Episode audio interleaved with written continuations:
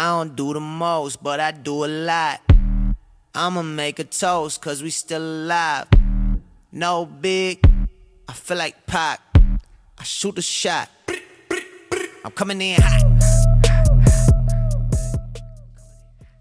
Velkommen til Ung nå. Mitt navn er Gesim. Mitt navn er Besnik, Mitt navn er Lorik. og dagens gjest er Jan Emir Hansen. Yes, mitt navn er Jan Emir Hansen.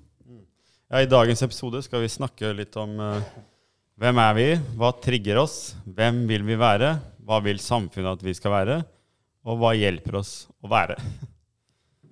Ja, så Da tenker jeg vi kan starte med at uh, Jan Emir skal fortelle litt om seg selv. Ja, skal jeg introdusere hvem jeg er, da? Ja, Jeg heter da Janne Emir, og jeg er født i Fredrikstad.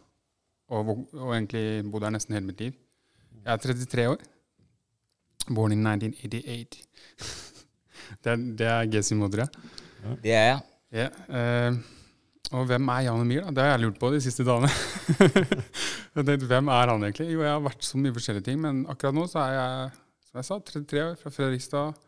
Jeg er utdanna barnehagelærer og har studert eh, drama og teater.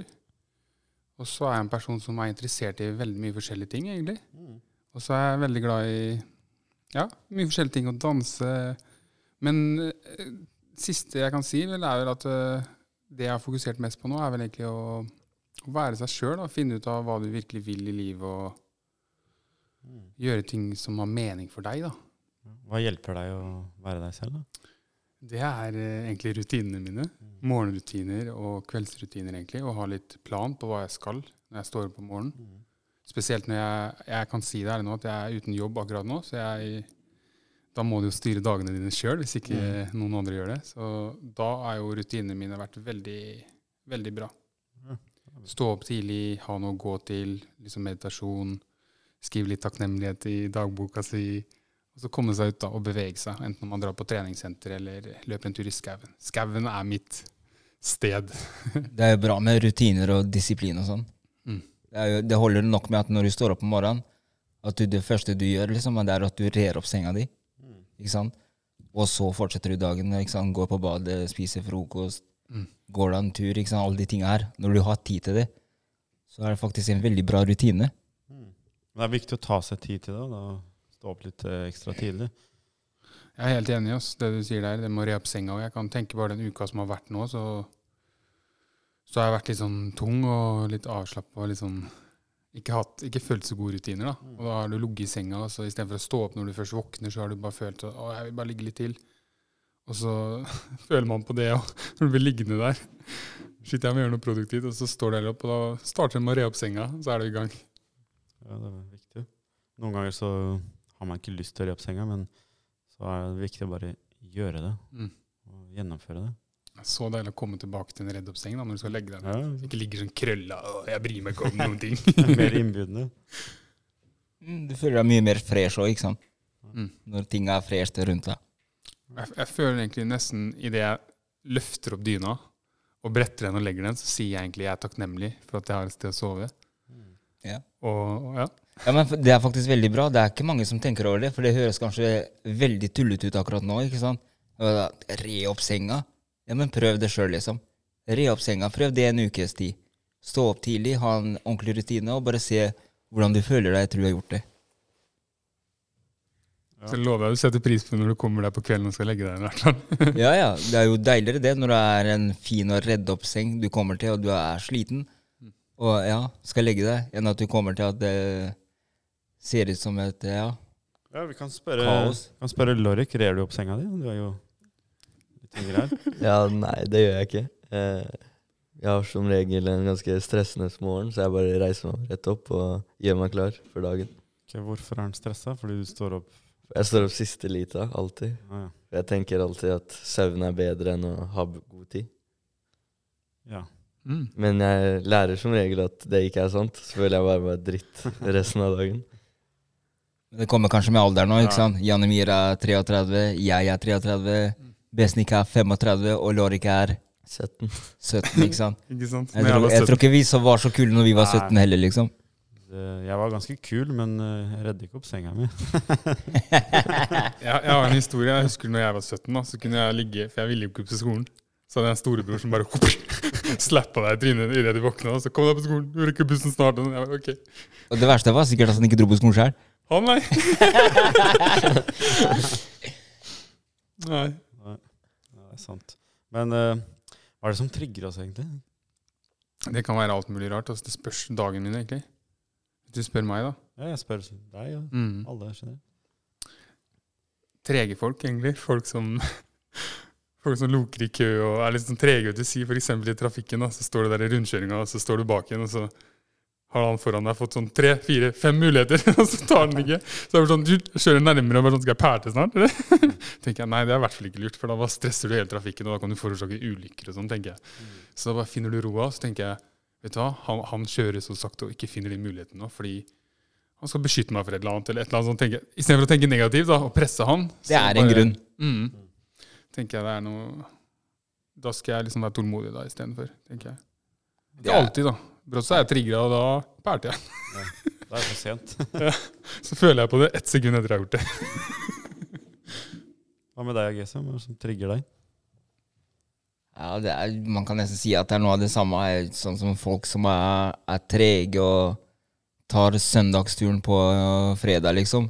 På den mest stressende dagen hvor alle skal hjem, eller alle skal handle i butikken samtidig. ikke sant? Og at, det er, ja, at du blir irritert, men vi har vel blitt såpass voksne nå at det, det kanskje går litt lettere. Det, går, øh, det er litt lettere å holde seg. Man er, blir mer tålmodig. Så, det er ikke sånn med alle, men øh, noen i hvert fall. Absolutt. ass. Hva med deg, Lorek? Um, mennesker som skylder på alt annet enn seg selv. Jeg har opplevd det i det siste, og det har- merker at det trigger meg skikkelig. Ja, den var fin. Den var faktisk fin. Ja. Helt nydelig. ass. En fraskrivelse av ansvaret på en måte, og så bare nei, hele verden er imot meg, jeg har ikke noe skyld i det. Gjør seg selv et offer, liksom. Ja. Jeg er kjent med det nå. Jeg har også gjort det før i min tid, egentlig. En del. Perioder hvor jeg skyldte på masse ting i mitt eget liv. Så jeg skjønte ikke at du på en måte gir fra deg all makt da, til å gjøre noe med det, hvis du skylder på omverdenen. Ja. Det som også kan irritere meg, det er at øh, hvis folk liksom bare legger seg ned og gir opp, det irriterer meg veldig. Ikke? Jeg, jeg, ofte hjelper jeg folk opp på bena igjen, ikke sant?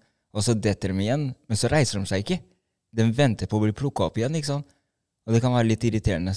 Fordi du, du har mulighetene der.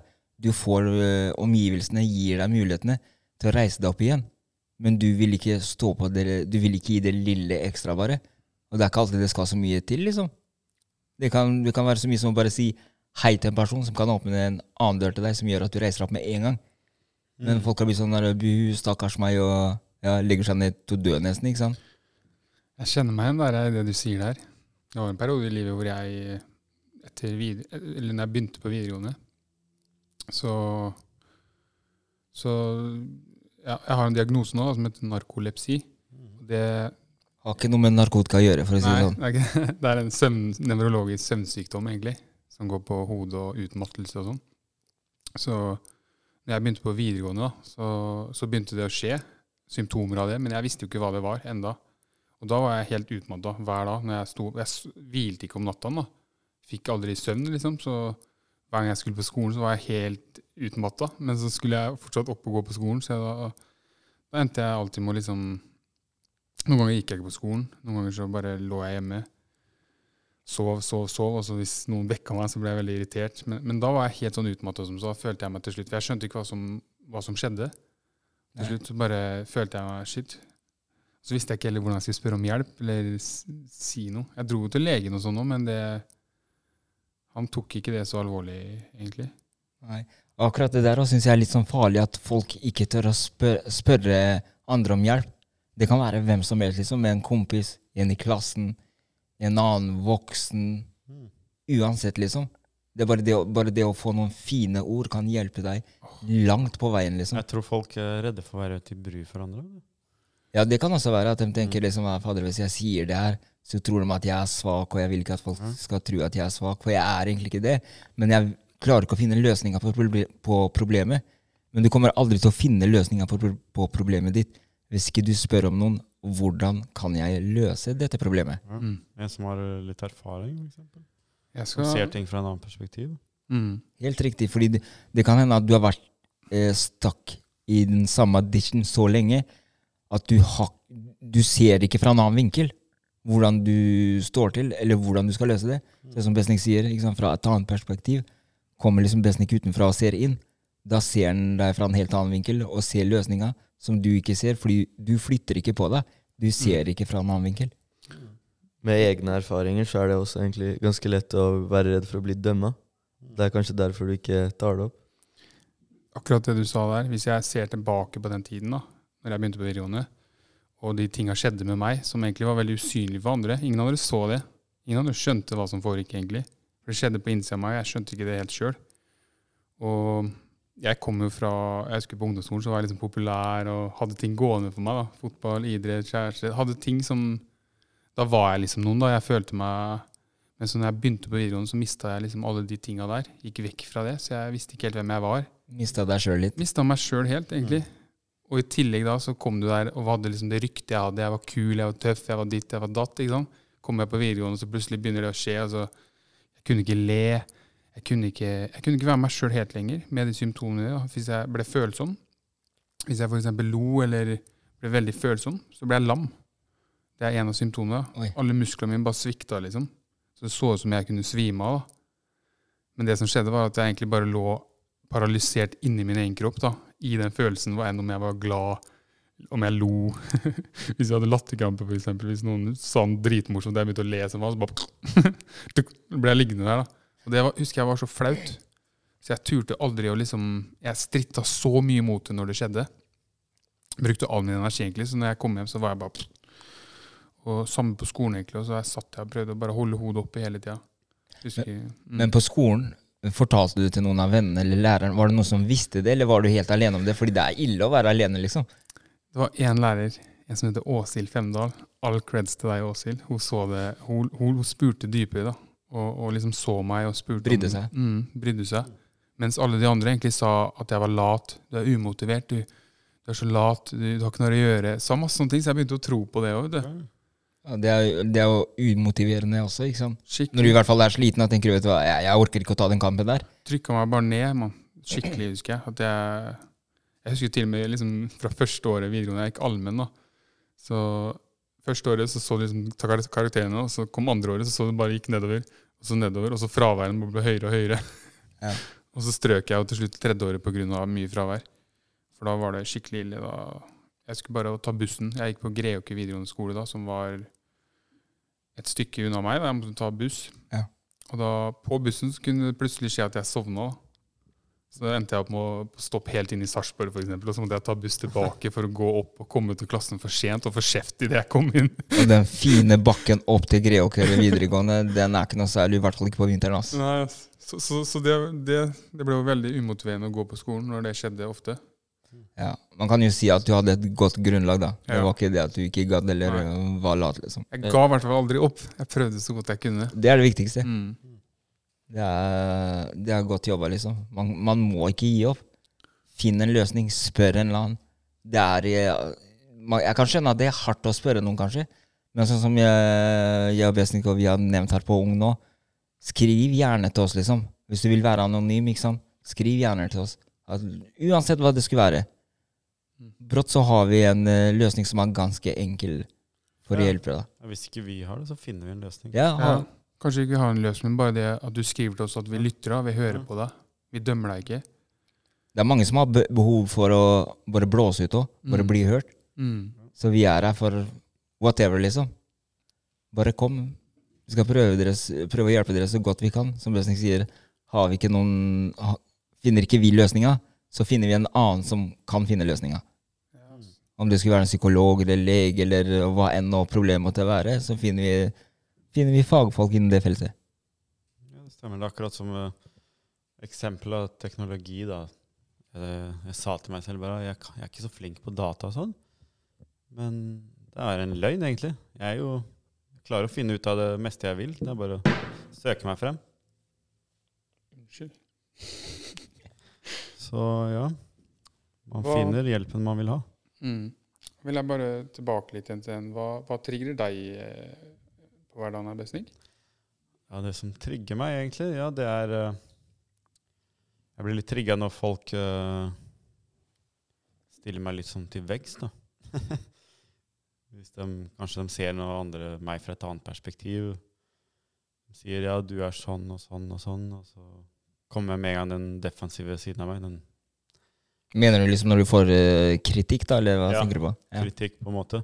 Det er sånn eh, Det trigger meg litt. Da kommer jeg i sånn defensive mode, og så mister jeg litt meg selv, og så kan jeg være Jeg skal brått begynne å forsvare meg selv. da. Det var sånn jeg gjorde før, i hvert fall. Ikke nå lenger, men da kan det være litt uheldig for den andre personen. Da. Og så blir det litt sånn en dårlig stemning. Dårlig stemning. Og det, det det som er med Besnik òg, og det har han alltid vært Jeg har kjent Besnik siden jeg var tolv år gammel.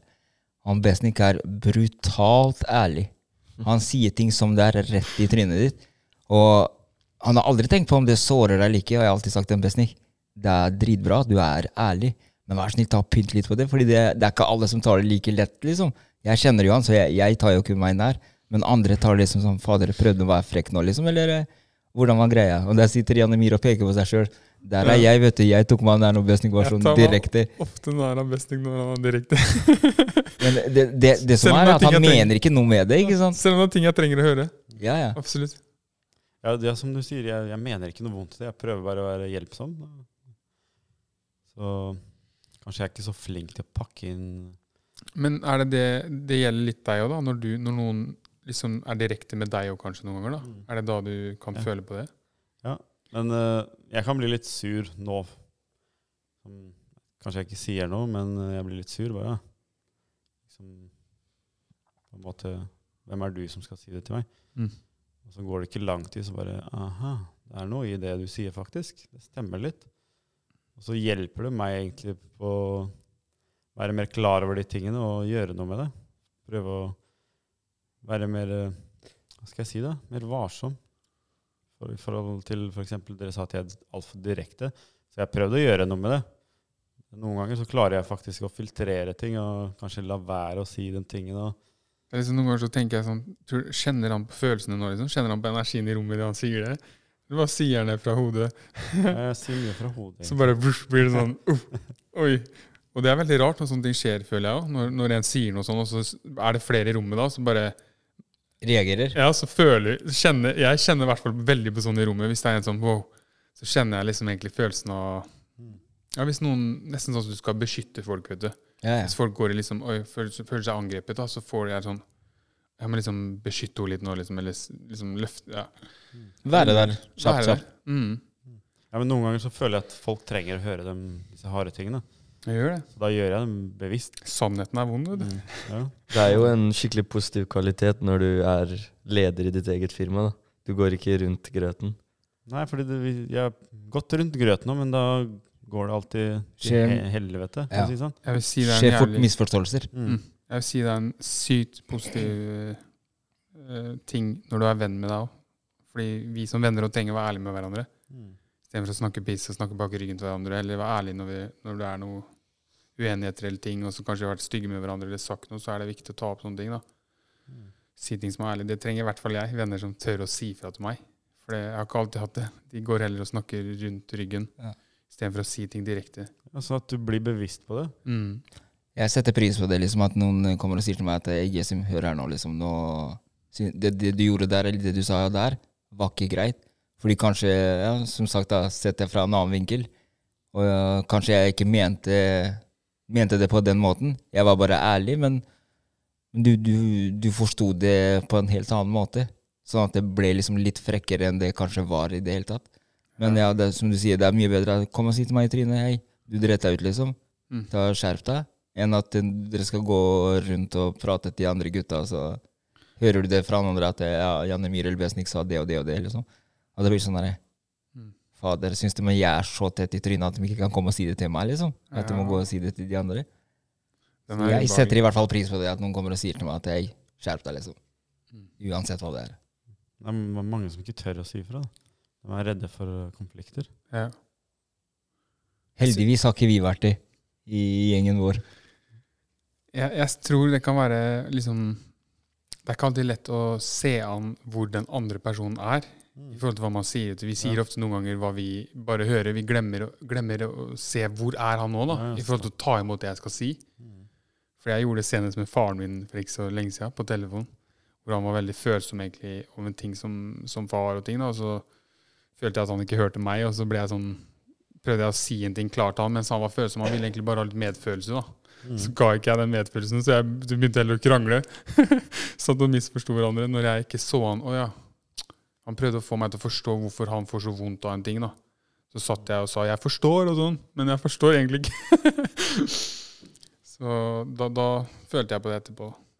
Når jeg ikke så han hans situasjon. Skjønte ikke at eh, han kan ikke forstå det jeg prøver å si nå, der han er. da. Det er sant. Mm.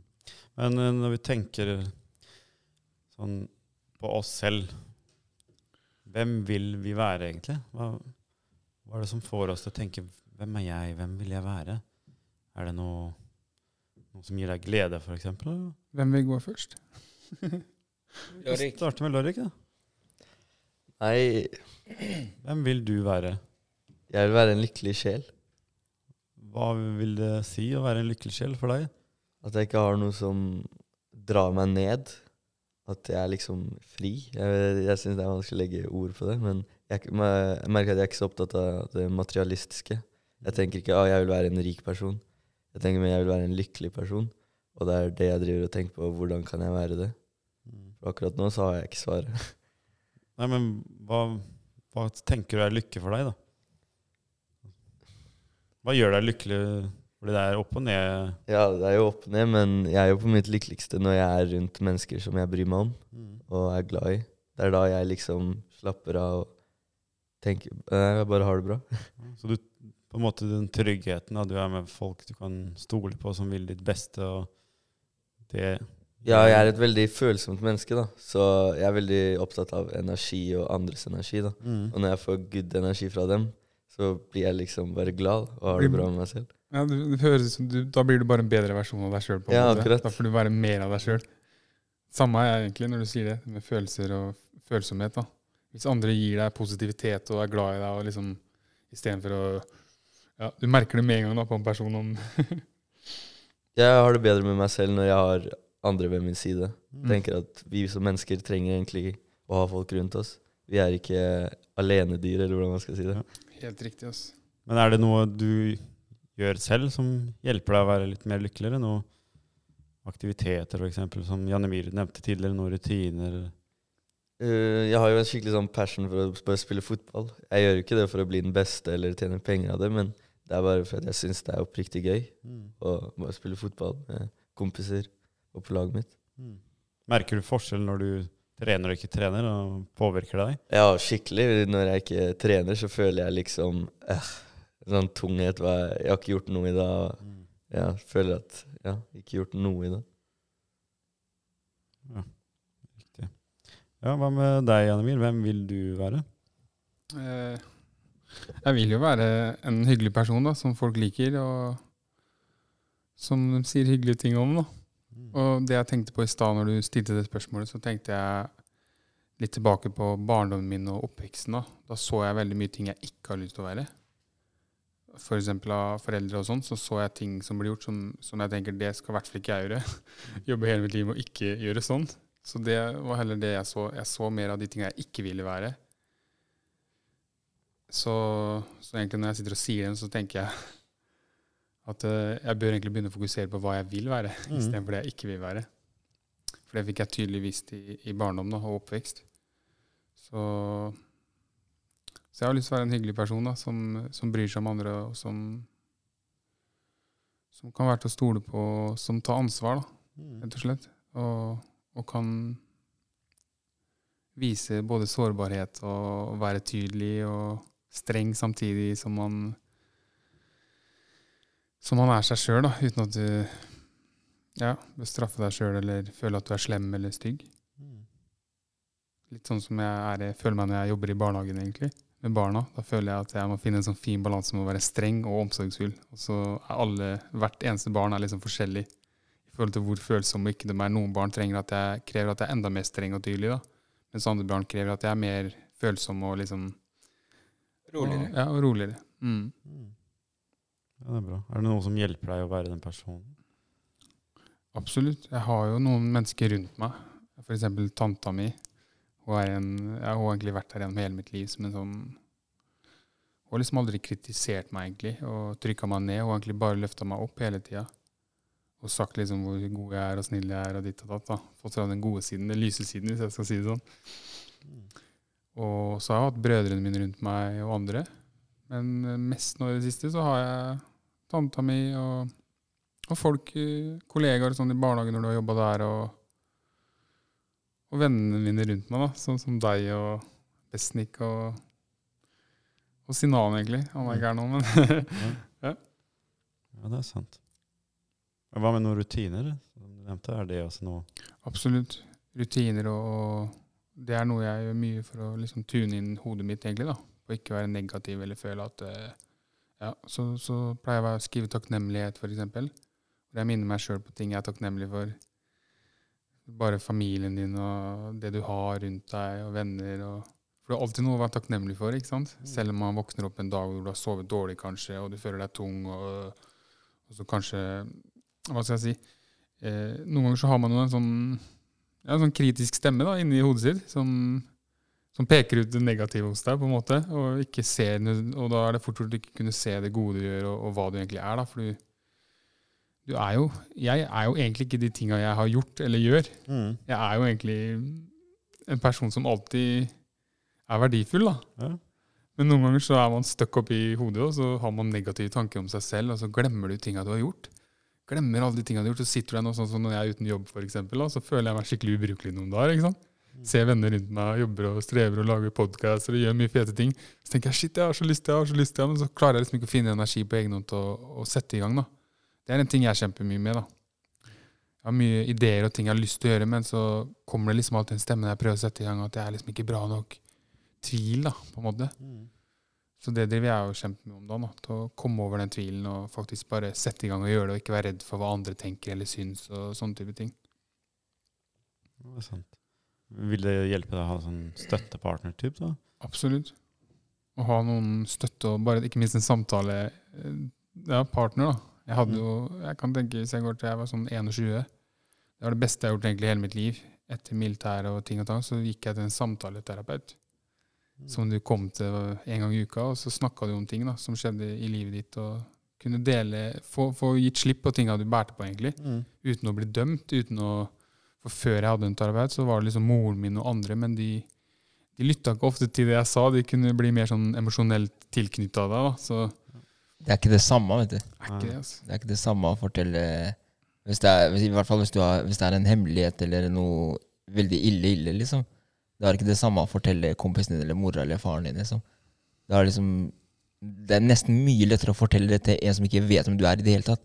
Bare få det ut av Lufte det, liksom. Få det ut av hjertet ditt. Mm. Blåse ut litt, grann, liksom. Ja. For det er ganske tungt å holde ting for seg selv. Da. Så det er mange som er ensomme og har faktisk ingen å snakke med. Mm. Da er det viktig å ha noe Ja, akkurat det du sier der. Akkurat det du sier der. Med, jeg husker når vi var yngre òg. Jeg var alltid liksom den som av barndom og eller Jeg vet ikke hvorfor akkurat, men jeg var ikke den som spurte om hjelp. Jeg var ikke den som turte å spurte om hjelp. Jeg skulle finne ut alt på egen hånd. Hvis jeg spurte om hjelp om noe, så var det liksom brødrene kun som uh, du var helt ærlig med. da. Og det var sånn hjelp i forhold til sånn Shit, nå er det noen som skal ta meg. kan du passe på meg? men, men det var aldri noe sånn hjelp med sånn liksom Ja, når du følte deg lei deg og sår og Si Hvis du hadde liksom hjertesorg fordi du har kjæreste og ting. Det var ikke noe Du visste aldri den sårbarheten, liksom. Spurte aldri om hjelp til sånne ting. da. Så det sitter langt inne for meg, og det å spørre om hjelp Jeg, jeg kjenner det enda som voksen, liksom. At når jeg kommer ned Det er liksom egoet mitt blir sånn dette burde du klare sjøl, istedenfor å faktisk spørre om hjelp. Nå trenger jeg hjelp, da. Jeg vet ikke helt hva som skjer, liksom. Og bare bli ærlig, egentlig. Ja, det er sant. Jeg vet ikke hvorfor. En del av meg tror jeg ser på det, det som å være sårbar som en svakhet. Og, for jeg har opplevd også det i livet når jeg har vært sårbar, at folk har misbrukt det. da. Så, så det, jeg tror det er to sider til det å være sårbar, faktisk. Ja, men jeg tror der også så er det samfunnet spiller en rolle der, og kulturen. Hvordan eh, felleskulturen er for landet, f.eks. At her i Norge er man liksom lært opp at når du er 18, så skal du være selvstendig. Og, Mm. Så kanskje det er der det kommer inn. da. Jeg tror det ligger mye av det i, i psyken til vårt menneske, liksom, Mm. av foreldra våre før oss gjennom hva vi har lært. da. Det, spesielt menn. At vi skal ikke gråte, du skal være tøff. og Jeg gråt jo ikke på 20 år, husker jeg. Nesten. 20 år, altså. Alt det som satt inne, og plutselig, hva skjer da? Det, det jeg har lært av det, er at uh, hvis du trykker ned følelser, det er kjempefarlig. Du blir syk, du blir dårlig av det. Du blir du kan, For jeg, jeg slet mye med sinne, eksempel, også. Aggresjon og sinne. Så jeg kunne eksplodere og bare liksom slå i veggen. Og slå, jeg slo heldigvis ikke andre. Men det, det skjedde jo i slåsskamper og sånn, kanskje. Men ikke sånn på rappen. Men når jeg var for meg sjøl, så kunne jeg plutselig bli så sinna at jeg slo i vegg og slo i ting og liksom skada hånda mi, egentlig. da. Og så husker jeg idet jeg slo i veggen, så fikk jeg smerte på utsida, og da kunne jeg gråte etterpå. Så det var liksom, liksom en sånn selvskading. eh, Mm. men for å gi slipp av følelser etterpå, liksom. En trigger til å begynne å grine, liksom. Helt riktig. Ja, Hva med deg, GSM? Ja, hva skal jeg si, da? Jeg tror, jeg tror jeg er den jeg vil være. Har vært veldig lenge òg, kanskje. Jeg har liksom alltid vært en uh, som lytter, prøver å hjelpe. I hvert fall når jeg ser noen nede. Trenger ikke å spørre meg om hjelp. Når jeg ser at du er nede, så kommer jeg bort og spør deg liksom Hva er det du trenger hjelp med? Nei, det er ikke noe. ikke sant? Du får alltid den først. Nei, det er ingenting. Jo, jo. Jeg, ser, jeg kjenner deg. Hadde vært en som brått stoppa på busstoppet liksom, Ei, går det bra med deg? Liksom, det er noe annet. Jeg har vært sammen med deg i 20 år, jeg vet det feiler deg nå, liksom. Så, og gjerne andre mennesker jeg ikke kjenner. Og liksom, Ja, det sant. har jeg muligheten til å hjelpe noen, så gjør jeg det. Og det, det har jeg alltid gjort òg. Så jeg har veldig vært på det der å vise respekt til folk og få respekt tilbake. Så jeg har lært mye av å være sammen med eldre mennesker. Jeg har liksom alltid hengt med eldre mennesker. Det er jo ja, Jeg tror ikke det har vært én jeg som har vært like gammel som meg, som har hengt sammen med oss da i lengden. Jan Mir er jo litt gammel som meg, men det er ikke alltid han har vært i vår gruppe sånn sett. Men resten har liksom i hvert fall minst to år eldre. Og at liksom, ja, lært liksom at de eldre igjen, da. Jeg har hengt sammen med dem, og de, dem har feila, og ikke latt meg feile. Eller så har jeg lært av feila deres, da. Sett dem feile og ikke gjort de samme tinga. Og så har jeg vært mye sammen med faren min, da, og ute med vennene deres, som er liksom mye eldre igjen, ikke sant. Så jeg vet ikke, jeg, jeg har liksom tatt til meg det gode fra alle mennesker jeg har lært, liksom. Kanskje jeg har lært en ting fra Besnik, det har jeg tatt til meg. Lært en ting fra Anemir, liksom. Jeg vil liksom ikke noen vondt. Jeg er den typen Kan jeg hjelpe noen, så gjør jeg det. Jeg gjør i hvert fall ikke noen vondt. Så ja. Før i tida ble jeg kalt for megleren. Jeg løste så mye konflikter blant mennesker, liksom. Mm. Når de skulle slåss og sånn, og jeg kom, meg, nå er det greit, liksom. Og da gikk du går den veien, du går den veien. Til og med politiet henta meg ofte før, i ungdomstida. Og liksom Gesim kom og kan du være snill øh, hjelpe oss, liksom, for nå hører ikke gutta etter. Jeg husker det det. var, jeg. ja, det Jeg var husker sånn liksom G som alltid ja, Ta, det ta håndjerna på dem, liksom, så tar jeg det med meg. Nei, det jo, jo, men ta håndjerna. Innen 15 minutter ser du oss noen av oss her, da. Da kan du ta med alle sammen. Og da var sånn, ja, Politiet bare ja, ta meg hånda på det. Tok jeg hånda på det. Tok de meg håndjerna, og da var jeg sånn gutta, nå må vi stikke, ellers så blir vi bura hele gjengen. Og da, som regel, så ble jeg alltid hørt på, liksom. Ja. Så Jeg, husker liksom at jeg så deg fra utsiden som sånn ledd. Du, du kjente alle, da. Alle visste hvem du var. ja. Så du kunne liksom snakke og megle med alle, egentlig. Du var sånn ledd som stoppa krig mellom to nasjoner, på en måte. Og det er faktisk ikke så lenge siden jeg ble stoppa i, i, i kontroll av politi. Det her var midt i koronaen, så vi måtte gå med maske. da. Og så kommer han eh, politimannen bort til vinduet da, og spør om førerkort. Og så ser han på førerkortet mitt. Og jeg, der har jeg et gammelt bilde, så sier han til meg at det er Gesim. Nei, du er ikke Gesim, jeg kjenner Gesim, sier han politimannen. Og så begynner jeg å le, og så sier jeg at det er lenge siden jeg har sett meg. Og så ser han broren min ved siden av, og han bare faen, det er broren til Gesim. Ja, sier jeg, det er meg. Det er lillebroren min. Og så forteller han til kollegaen sin. Han bare, vet du hva, jeg skal fortelle en historie med han Gesim, sier politimannen til kollegaen. Han bare, vi var på byen en gang, og, og skulle egentlig få grisehjuling av 20 stykker liksom, som venta på oss utafor i byen. Og så sier den andre kompisen da at faen, jeg ringer Gesim, ja, så løser han det. Og så hadde jeg, jeg visst kommet ned, og så bare sagt til han politimannen da, og han andre dere går ned veien. Og så hadde jeg sagt til de andre gutta at hei, er det greit nå, eller dere går den andre veien, og dere rører ikke de to gutta her. Og han bare fy fader, og, bare det du sa at nå er det greit, så var det løst, liksom. Alle sammen stakk, liksom. Så ja.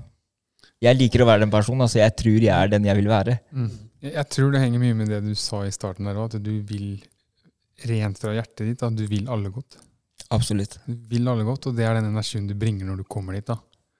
Ja. Og det får folk litt sånn respekt for, og får sånn hm, Ja. Jeg tror liksom jeg, jeg, tror liksom jeg, jeg har fått lov til å bli litt sånn autoritær person nå, på grunn av at jeg respekterte alle.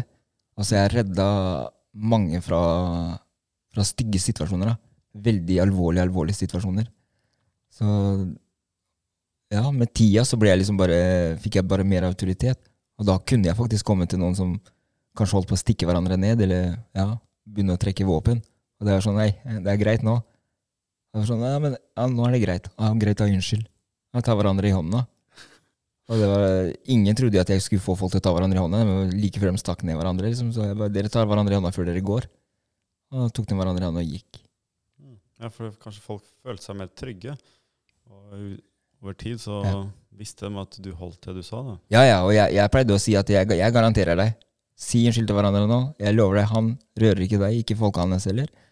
Og du rører ikke- Ingen rører noen av dere, liksom. Det, det står jeg for. Og det satte jo folk pris på, ikke sant? Fordi mange ganger det kunne gått riktig gærent. Og så til det med følelser, da, som dere sier, det må underpressa følelser og sånn, da. Det har jeg aldri gjort, egentlig. Jeg er Jeg kan nesten si at jeg er meg sjøl 100 Føler jeg for å le, så ler jeg. Føler jeg for å gråte, så gir jeg fader i hvem som er der. Da le, altså jeg, jeg gråter foran Besnik tusen ganger, liksom. Foran alle gutta, midt på en fest, liksom. Det er liksom masse jenter og gutter og sånn. Og følte jeg for å gråte, så gråter jeg, liksom. Jeg beundrer deg, det. altså. Jeg syns ofte at det, du er tøffere hvis du klarer å vise følelsene dine og gråte foran andre folk også, enn det å holde det inni. For at du, eh, grunnen til at jeg mener det, da, det er fordi for eksempel du tør ikke å gråte foran Besnik eller foran den eh, gjengen her da, fordi du er redd for å bli dømt. Det bryr jeg ikke meg om. Jeg føler for å grine. Døm meg, gjør hva du vil. Jeg er ikke redd for meninga di, liksom. Jeg klarer å holde meg til mine egne meninger. liksom. Jeg trenger ikke meninga di. Hvis du støtter meg, liksom, så setter jeg pris på det. Tusen takk for det. liksom. Støtter du meg ikke, liksom. Ja. Takk skal du ha. Ha det bra. Men det er ikke mange sånn som deg, da. Takk for det. Det var hyggelig å høre. Tør å være seg selv. Det er sant, altså. De er litt forvirra. Hvem er jeg, liksom? Jeg har ikke kjent deg lenge i det hele tatt, men jeg har følt at liksom Shit. Det er ikke mange som er som, som deg. Dere må gjerne si til meg hvis jeg sier noe som dere føler ikke stemmer. liksom. Nei, men det er sant. Når vi er unge, og husker du Du er jo to, to år eh, yngre enn meg. Så husker jeg vi pleide å være en del i Torvbyen. Og da husker jeg du fant på mye tull der. Du turte å kødde med folk, og det, det var, vi hadde mye morsomt. Og folk likte det faktisk, selv om de ikke kjente deg. De syntes det var tøft da du turte å kødde. da. Ja, det er ganske sykt. Jeg husker den tida sjøl. Vi hang mye i Torvin. Ja. Altså, jeg husker jeg, den tida jeg hang med Jørgen, eh, Jørgen Damslåra og sånn. Ja. Kunne vi stå og spille på automater, og så plutselig kom dere med sånn teaser og shit. Du strømma om magen her. kom Abedin og dere. Jeg husker jeg, jeg møtte alltid byen. Vi møtte alltid. Vi var alltid der. Og jeg var, jeg, var, jeg var alltid sånn at når det, når det kom en ny ungdom til byen, og jeg så dem gå alene, så gikk jeg rett bort. 'Hei, hvem er du?' liksom. Og det var sånn 'Nei, jeg er ny her'. Ja, 'Kjenner du noen', liksom? Eller har du akkurat kommet? Det var sånn 'Nei, jeg kjenner ingen'. Og da var jeg sånn 'Ja, men sleng deg på oss', liksom. Og sånn, sånn, ikke bare jeg, men gruppa vår, da. Vi var alltid sånn når vi så en ny ungdom, uansett norsk, utlending, hva det var for noe, så var det liksom Altså, Har du lyst til å henge deg på oss, så bare sleng deg på. Inkluderende. Vi har alltid inkludert folk, spesielt de som har vært alene. Mm. Og så har vi mange ganger hjulpet de som har blitt mobba. Vi har vært på byen, liksom, så har vi sett liksom fem stykk da, fly på én, da, eller mobbe eller si noe stygt, eller noe sånt, og så står det en liten spinkel stakkars da, som ikke tør å si slutt engang. ikke sant? Og sånne ting trigga oss. Da hoppa vi rett inn, liksom. Og bare, Sånn urettferdighet. ja, urettferdighet, liksom. Mm. Uh, det likte vi ikke. Det er sant. Det er sånn jeg føler meg sjøl og i mitt liv. Urettferdighet, da. Så ser jeg tilbake nå, egentlig, på, når jeg gikk på ungdomsskolen og ting og tang. Jeg, jeg var tidlig i puberteten, husker jeg. Så jeg var alltid litt større enn de andre. Husker det? Du hadde sixpack og brystkasse i tiende klasse. Det Ja. glemmer jeg aldri. Jeg husker det. Og så husker jeg når jeg så folk var liksom tett med hverandre, så kunne alltid komme mellom og jeg, jeg gjorde ikke alltid på den riktige måten, da. Jeg kunne liksom jule opp den andre, da. på en måte. Men, men jeg, jeg husker jeg gjorde det var bare liksom sånn for å sette grenser, vet du. For å skjønne at jeg ikke hold deg unna, liksom. Eller Ja, ja, men det var, det var din måte å, å løse det på, ikke sant? Mm. Tough love. Jeg pleide å si det først, husker jeg òg. Jeg pleide å si fra mye først. Ikke, jeg hadde liksom en grense, husker jeg. Sa fram ting. Og hvis de tråkka over den, da, da ble jeg redd, egentlig. Ja. Og når jeg ble redd, da Ble det farlig? gikk jeg til fysisk. Ja, ja. Men jeg var aldri den husker jeg liksom slo først heller, når det gjelder det med slåssing og sånn. Jeg likte ikke å slå folk først. Sa alltid fra. Jeg ble alltid nervøs, veldig nervøs, når, når den energien før man skal slåss Adrenalinet vet du, Ja, pumper, så du står og skjelver. Skikkelig. Husker det. Men jeg husker også jeg fikk sånn ofte Nå skal jeg bare gå litt inn på det med slåssing og sånn, da, for jeg var litt populær og Ja, jeg vet ikke Du, slåss liksom med andre som Jeg vet ikke helt alltid hvorfor vi slåss. Men det var fordi ikke vi snakka sammen. Vi visste ikke hvem hverandre var noen ganger. Og så var det bare sånn snakk. Det var mye rykter og mye, mye snakk. Og så hørte folk at han var, han er flink til å slåss, han er sterk ditt og da. Så kommer liksom folk som skulle utfordre deg hele tida. Ja. Sånn følte jeg det, da. Mye, egentlig. Veldig mye. Men så ser jeg nå tilbake sjøl, hvis jeg ser på det nå, som voksen, så ser jeg at jeg bærte masse sinne inni meg. Jeg hadde masse, masse sinne. Så jeg gikk jo rundt og på en måte nesten bare var en magnet for å tiltrekke andre som også følte det samme. Så vi bare sånn Vi skal, vi skal nok ta det på en annen episode, det der med slåssing og norske og utlendinger og Ikke sant.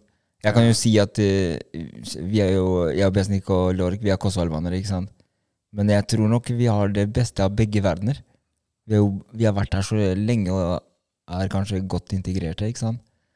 Så vi har det beste av begge verdener, så vi skjønner liksom hvorfor de norske ble sinna kanskje på noen utlendinger. Ikke alle. mm. Og så omvendt også, liksom. Men det, det kan vi ta på en annen episode, for det en er en eh, i ganske det. langt tema der vi har mye å snakke om der også. Ja. Men uh, ja, igjen, hva, hvem vil samfunnet at vi skal være, egentlig? Har du tenkt på det? Føler dere noe press?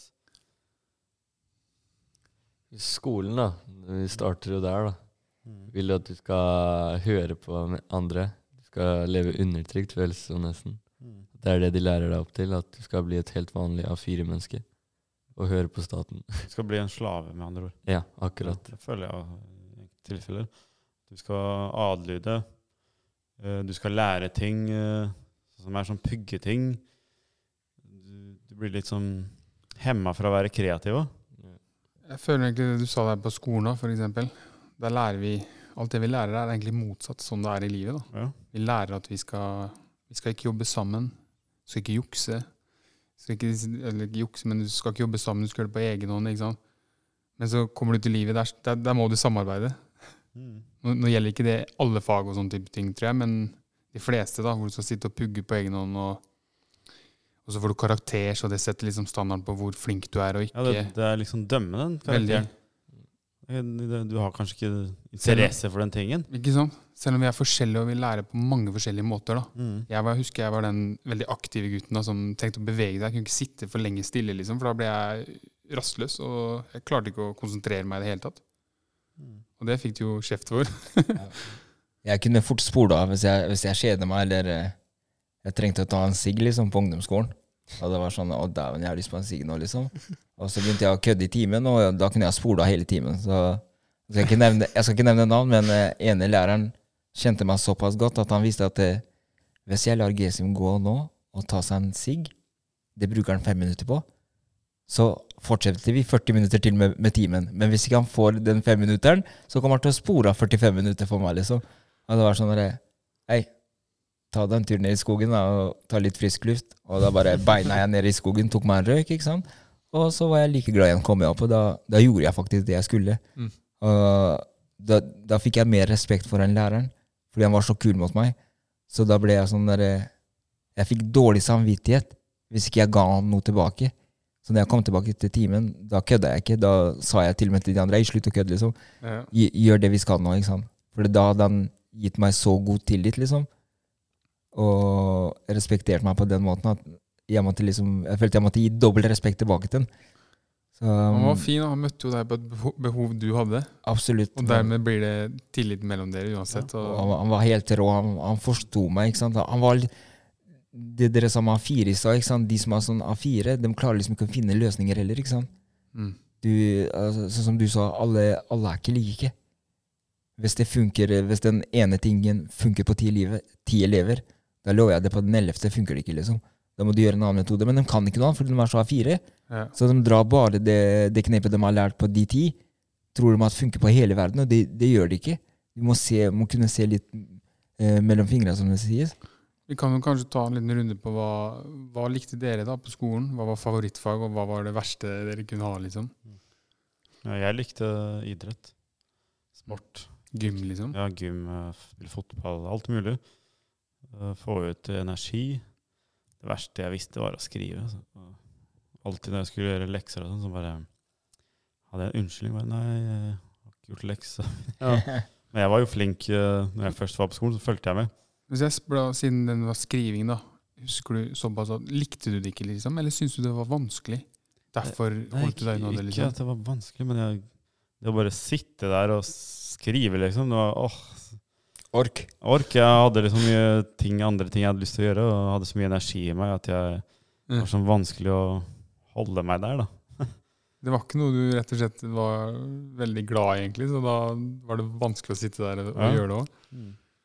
Som Gesim sa, at man sporer litt og ødelegger litt for de andre i teamene. Da. At man kødder litt og bare for å få tiden til å gå. Mm. Akkurat sånn jeg holdt på. Jeg ble sendt til rektoren flest av alle på, i klassen min, tror jeg. Ja. Men det vil, vil ikke si at vi er dårlige mennesker. Nei. At vi ikke duger til noe. Det er absolutt ikke. Som vi sier, folk er forskjellige. Forskjellige behov, og man må møte hverandre der man er. Mm. I hvert fall som lærer. Det er veldig viktig. Jeg følte at de ikke gjorde det i det hele tatt i min case. Men de visste jo ikke alltid hva som foregikk inni meg heller, da. Men jeg, jeg husker at jeg, som jeg sa, på ungdomsskolen, da, 8., 9., 10., så Jeg hadde så mange venner, liksom, var populær, da. Så jeg juksa. Jeg, jeg var god i gym, og jeg likte heimkunnskap, liksom. Lage mat og sånn. Og, og matte, det var jeg god i, for da hadde jeg tre venner, vi var gode i matte, liksom. For da fant vi alltid løsningen om det var noe. Men alle andre fag, som norsk og religion og musikk, og var jeg ikke helt fan av, for jeg hadde en kjempedårlig musikklærer. Og, og det jeg gjorde da, at jeg juksa. Jeg lærte meg rett og slett å jukse i alle de andre faga. Noen ganger så brukte vi MP3-spiller hvor vi hadde snakka inn alle, hele Svaret. boka. Ja. MP3-spiller, så skrev du lapper under capsen, liksom. Fant masse lure måter å jukse på. rett og slett. kreativ, da. Ja, kreativ. Sykt Ja, kreativ. Men jeg, når jeg da skulle senere begynne på videregående, så, så ble det bare vanskeligere. Det ble ikke noe lettere. Jeg skjønte jo ikke, for jeg hadde ikke lært, så det ble vanskeligere. Så, så endte jeg opp med å stryke videregående, som jeg sa i stad. Men så kom det et punkt i livet hvor jeg bare sånn boom, tar opp alle faga, skjønte at jeg er ikke lat, jeg kan lære, jeg kan lese, jeg kan gjøre masse rart. Så jeg har jo en, en bachelorutdanning i barnehagelærer, så der lærte jeg studieteknikk, da. Ja. Der lærte jeg å skrive oppgaver. Ja, men ikke sant, historien din forteller at eh, man kan mens man vil, eh, hvis man vil. yes, med troa på deg sjæl. Ja. Mm. Du sier liksom 8., 9., 10., så var jeg ikke så flink, gadd ikke å gjøre så mye. ikke sant? Trodde kanskje jeg var dårlig på det ene og det andre. Og så blir du barnehagelærer. Ja. Skjønner du? Det bare sier at eh, stå på vilje har alt å si, liksom. Gidder du, så kan du. Jeg kan si det ærlig, det jeg var mest opptatt av på ungdomsskolen, det var det sosiale, egentlig. Sosiale, venner, ha folk det bra, ha det gøy, sånne type ting. da. Så, sånn er vel kanskje nesten Mm. de fleste ungdommer. Eller hva sier du, Bjøsning? Vi skulka skolen for å dra på en annen skole og besøke andre. Møte jenter på andre skoler. ja. Ikke sant? Husker Ja, jeg. det ja, det var tider. Ja, det var det. Gikk helt i Kråkerøy. og. Husker jeg. Ja, ja. Ja, vi gikk mye den tida. Vi hadde jo ikke Facebook og Instagram og alt det der som man har nå. Nei, Så. Sosiale medier fantes ikke. Gå fra Tollbyen opp til Lisleby, banka på døra. 'Hei, er han hjemme, eller?' 'Nei, han er ikke hjemme.' Så går du ned til byen igjen. Og sånn var det kanskje syv-åtte ganger om dagen. Så dro vi Lisleby, Fredrikstad, Lisleby hele tida. Det var jo en annen tid, egentlig, når man tenker tilbake på det. Uten de sosiale mediene. og Vi hadde jo mobil, kanskje, kunne sende SMS. Ja. Vi hadde jo ringe hverandre. Men vi var ganske kreative. Ja. fant på mye gøy. Ja. Absolutt. altså. Mye mer aktivitet òg. Nå går jo alt gjennom telefonen, ikke sant. Mm. Trenger ikke å dra og banke på døra nå. Ringer du eller sender eh, en snap eller skriver på Insta, Facebook. Altså det, bare det du sier der, det føler jeg mye, mye om dagen. At jeg må spørre liksom om tillatelse til å, til å dra til noen eller finne på noe. Så det syns jeg er rart noen ganger. Mm. Spontaniteten er nesten borte. Helt borte. Helt borte. Det er ikke sånn du må Jeg får en spontan følelse. Oi, jeg tenker på kompisen min og har lyst til å gå og besøke han. Bare shit. Jeg har lyst til å si det og det, så bare Nei, vent, jeg må spørre om han har tid. Så skriver du, da. Så blir du sittende og vente hele dagen på svar. Så er hele, hele følelsen der borte. Ja. Ja, men det er litt sånn når man får barn og familie og sånn, så Ja. har man andre å ta hensyn til. vet du. Nye prioriteringer. Ja, men eh, ja, folkens. Tenker uh, vi kan ta litt sånn oppsummering, da. Hvem er vi, liksom? Hva trigger oss? Hvem vil vi være? Hva vil samfunnet at vi skal være? Og hva hjelper oss? Eh, Har dere noen tips å gi til uh, disse folka som trenger å finne seg selv? Hva noe de kan gjøre? Um, det med samfunnet, hva samfunnet vil at vi skal være. Uh, Ja. Prøv å være deg selv. Prøv å skille deg ut. Selv om samfunnet vil at du ikke skal skille deg ut, prøv å ikke følge den strømmen. Ja. Fordi de som ikke har fulgt strømmen og gått en annen vei, er faktisk de som har lykkes i livet. Elon Musk. Jeg er helt enig. Det er mange eksempler. Ja. Det du Så- sa der, Lorik. Helt enig. Vi skaper jo samfunnet. Mm. Riktig. Helt riktig. Det er bra synspunkt. Jeg alltid tenker at man skaper sin egen verden, egentlig. Det er hva du Mm. tror på. Man må bare tørre å, tørre å satse. Tørre å si fra. Det er mye sånn, ikke sant, sånn som Besnik eh, når Altså, han, bare, han sier til meg en dag Hei, jeg har lyst til å starte en podkast. Så gikk det ikke en uke, så hadde han kjøpt podkastutstyr og sånn, så begynte vi bare. Og så prøver vi. Som vi har sagt før, vi er amatører, men vi prøver, prøver vårt beste, ikke sant. Og så sier Janne Mir ikke sant, sa i stad jeg har mange ideer, ikke sant, men det kommer ikke ut. Jeg blir sånn der eh, ass. Det verste er når du begynner å, å overanalysere tinga. Det blir sånn Nei, kanskje ikke det går, og nei, drit i det. Og det Helt riktig. jeg har kanskje ikke nok til det, kan ikke det, jeg kjenner ikke ditten. Du må starte, gå all in med en gang, ikke sant? Mm. Enten så taper du eller vinner du. Verre er det ikke. Mm. Du dauer ikke av det. Helt sant. Bare så fort du får ideen, lag en kort liten plan. Hva er det her? Du, du, du. Funker det? Fett. Funker det ikke? Drit i det, begynn på noe nytt. Yes. Men det er også viktig å skal sette noe i livet, har jeg skjønt. Det er ikke bra å ha 1000 baller i lufta. Nei. For da blir det energien deretter. da. Du fokuserer litt der og der, så blir det sånn 10 Stress. der, 5% der. Helt Så det er riktig. bedre å ha én ting om gangen. Fokusere virkelig på det. Og så være disiplinert og Mm. gjennomføre. Mm. Ja, det er helt sant. Jeg, Og ikke vær redd for å spørre andre folk om råd eller hjelp, liksom. For du kommer langt på vei med det. Fordi brått så har du, du har et spørsmål, og det, det svaret på det spørsmålet der kan være nok til å åpne døra til å begynne. Ikke sant? Men så, så blir det sånn der Fader, nei, men jeg tør ikke å spørre Besnik, jeg. Kanskje ikke han gidder å hjelpe meg, eller sånn. Skader ikke å spørre. Enten så får du svar, eller så får du ikke svar, liksom. Går, Ja. går det til neste. og bare prøv. Du lærer uansett. Det er det som er så Ja. rart. Men det er noe jeg liksom aldri ble helt vant med. Du prøver å gjøre noe ting, sånn som jeg er veldig Jeg har gjort en del ting, liksom. For ikke så lenge siden lagde jeg jo et kurs sammen med tanta mi som handla om det med følelser og tanker og hva som foregår på innsiden av oss. da. Og det ble jo vellykka. Men jeg sitter her nå og tenker Jeg har allerede glemt det. Ikke, ikke Jeg tenker ikke hva jeg har gjort engang. Ja. Og så ser jeg bare shit, jeg gjør ikke en dritt, jeg sitter her uten jobb. Får penger av Nav, liksom. Føler meg som bæsj. Så glemmer jeg at shit, du må bare sette i gang med noe nytt. Bare Begynn med et eller annet, finne ut hvorfor. Kjenn hvorfor vil jeg gjøre det. Jo, på grunn av det og det. Og så er det bare egentlig å sette i gang. Og så lærer du underveis i prosessen. og mm, Ja, så møter du nye folk uh, som Mm. hjelper deg videre, faktisk. Vi gjør det. Så ja. Vi, vi spurte jo også publikum eh, denne uka. Uh, har du hatt en bra uke så langt? Uh, noen, de fleste svarte ja, men mange svarte nei òg. Mm. Så da tenkte jeg på meg selv. da. Jeg hadde en dårlig uke og vært litt syk. Men uh, så tenkte jeg hvorfor hadde jeg en dårlig uke? Da Da skjønte jeg at fordi jeg, jeg gikk bort fra rutinene mine. Jeg trena ikke, jeg mediterte ikke. Og bare det gjorde sånn at jeg fikk dårlig samvittighet. Og jeg var mer hva skal jeg si, mindre motivert til å gjøre de tingene jeg skulle gjøre. Og eh, begynte å skylde på omstendighetene. Og, så det er lett å falle tilbake. Så Der, der, der kommer rutiner igjen. Kan vi si at du går liksom litt inn i det barnet igjen? liksom? Ja. Det barnet som er sånn 'Å, jeg vil ikke.' Du, du. Mm. så glemmer vi den voksne som OK, gjør det, nå. Ja, For da faller energinivået. Du, du Mm. har ikke så mye ork til å gjøre ting. Men da kommer igjen rutiner, som vi alle har nevnt. Rutiner er viktige. Gjør de tingene som faktisk du liker å gjøre, som gjør deg glad. Ja, når du sa det, du sa, har du noen tips liksom, til seerne og ting og tang, da, for å finne ut hvem er du, hvem vil du Mm. være, sånn type ting, da. Første jeg kan si, er bare lage en liste. Skriv ned alle ting du liker å gjøre. liksom. Alt du liker å gjøre, få det ned. Alt du liker, og så kan du se på det etterpå. Da ser du faktisk shit.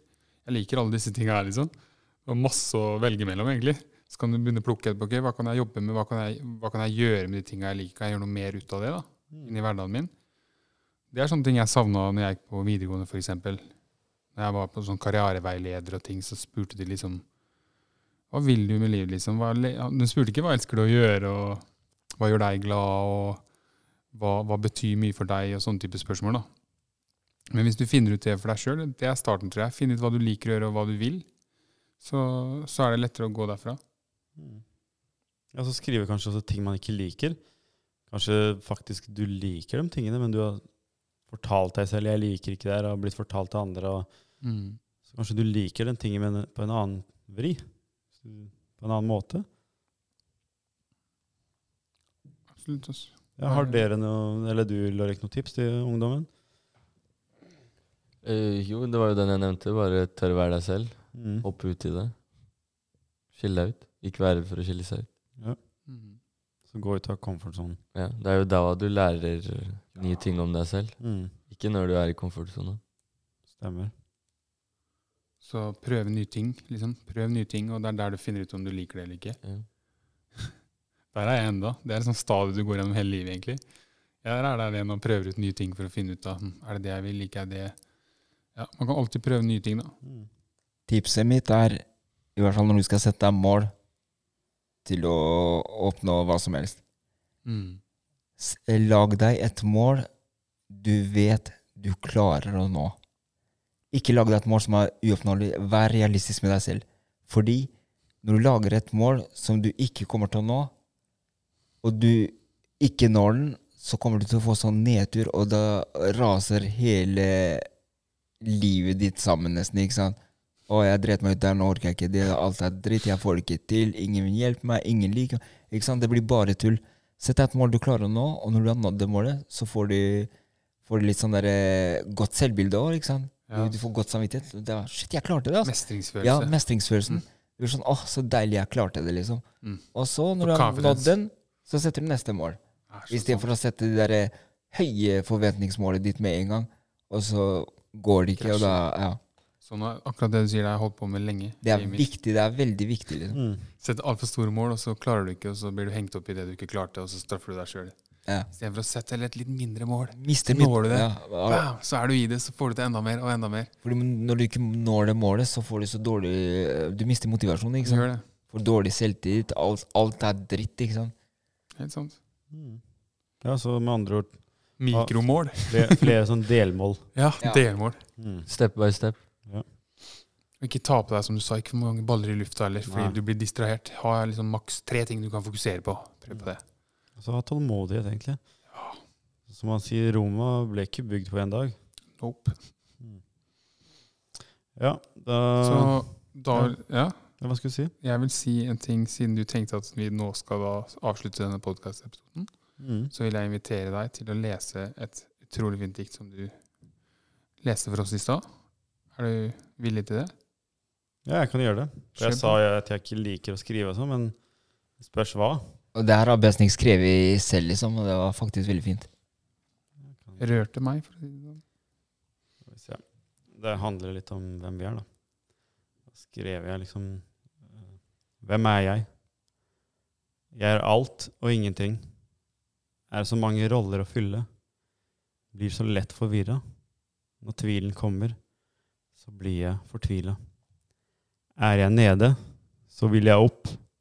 Alltid på utkikk etter anerkjennelse for å bli godtatt. Gleden kommer, og med motgang den går. Hvem er jeg? Er jeg lyset? Er jeg mørket? Er jeg noe midt imellom? Jeg vil ha, og jeg ønsker å gi. La, sør la sorgen være før min tid er forbi. Jeg er livet, jeg er gleden, jeg er frykten. Jeg er latter, jeg er livet som er i alt. La meg være, så skal du få bli. Vær i nuet, vær i ett, vær ditt sanne, så blir det lett. Takk, takk. Nydelig, ass. Mye du sier der som bare treffer skikkelig. Jeg hadde aldri trodd Besnik skulle skrive et dikt. liksom. Han snakket for meg for eh, 15 år siden at han skulle skrive et dikt, så tror jeg vi hadde begynt å mobbe ham. Ja, men der igjen så har, så har jeg fått mange tilbakemeldinger at uh, jeg har vanskeligheter med å spre, vise følelser og sånn. Så det er faktisk sant. Det, det kommer jo igjen etter at min far døde, så har jeg bygd den der litt sånn fasaden for å skjerme meg for å bli såra. Så nå prøver jeg med litt og litt å ta lag for lag og prøve å vise følelser, egentlig. Det er ikke farlig. Jeg syns det er dritkult at du bare begynner å skrive, for eksempel, og i diktform og sånne type ting. Det er en nydelig måte å komme inn i følelsene på. Jeg, eh, ja, jeg skriver litt sjøl som jeg tør ikke å lese, sånn som du har gjort nå ennå. Men det, skal, det er inspirasjon. Tusen hjertelig takk for at Ja, du delte takk. det. Takk. Så takk igjen til eh, dere lyttere som uh, faktisk lytter på oss. Så vi vil gjerne at dere skal engasjere dere mer. Det er, jeg ser det er mange som engasjerer seg. Det er som oftest de samme, men dere andre òg. Kommenter gjerne hvis det er noe dere syns og- vi gjør dårlig eller bra, eller dere har lyst vi skal ta opp noe. Og som sagt igjen, er det noe, så skriv til oss. Og dere kan sikkert, hvis dere gjerne har lyst til å bare skrive bare til Besnik, så har, eh, så har jo han en eh, Instagram, egen Instagram også, som dere kanskje kan skrive privat til hvis dere vil skrive bare til ham eller til en av oss andre. Ja. Hvor finner vi Ung nå? På Instagram? Ja. Fins det noen andre steder vi finner oss? E-post eller sånn? Ja, vi har f.eks. Uh, e-postadresse besnik at ungno.no. Ja. Og så har uh, Gesim også gesim at ungno.no. Så Lorik at ungno.no. Og så eneda at ungno.no. Og står det da i Kanskje det står i beskrivelsen på Spotify òg, så man kan se der? Ja, Eller så går det an å legge det inn, i hvert fall. Ja, det kan vi legge ut på Yes. Insta. Så er det bare å sende hva enn det er, om det er noe du vil dele, om det er noe du vil spørre om, om det er noe du har holdt lenge for deg selv. Du kan bli holdt anonym hvis du vil det, eller om du vil dele med navn. Hva enn det er, så er det bare å sende. Ikke Eller- nøl. Eller hvis du har et sånt fint dikt som Besnik hadde, Ja. send det gjerne inn, så leser vi opp med navn hvis dere vil. Det. Kan prøve å lese det med innlevelse, til og med. Det beste vi kan. Ikke at du ikke gjorde det, da, så det var veldig fint. Takk, takk. Da tror jeg vi ønsker alle en god helg og happy halloween for de Ja. som feirer i dag. Ja, Pass Happy på ikke, halloween. pass på ikke skremme skrem de gamle for mye. Takk for oss, og kos dere med måte.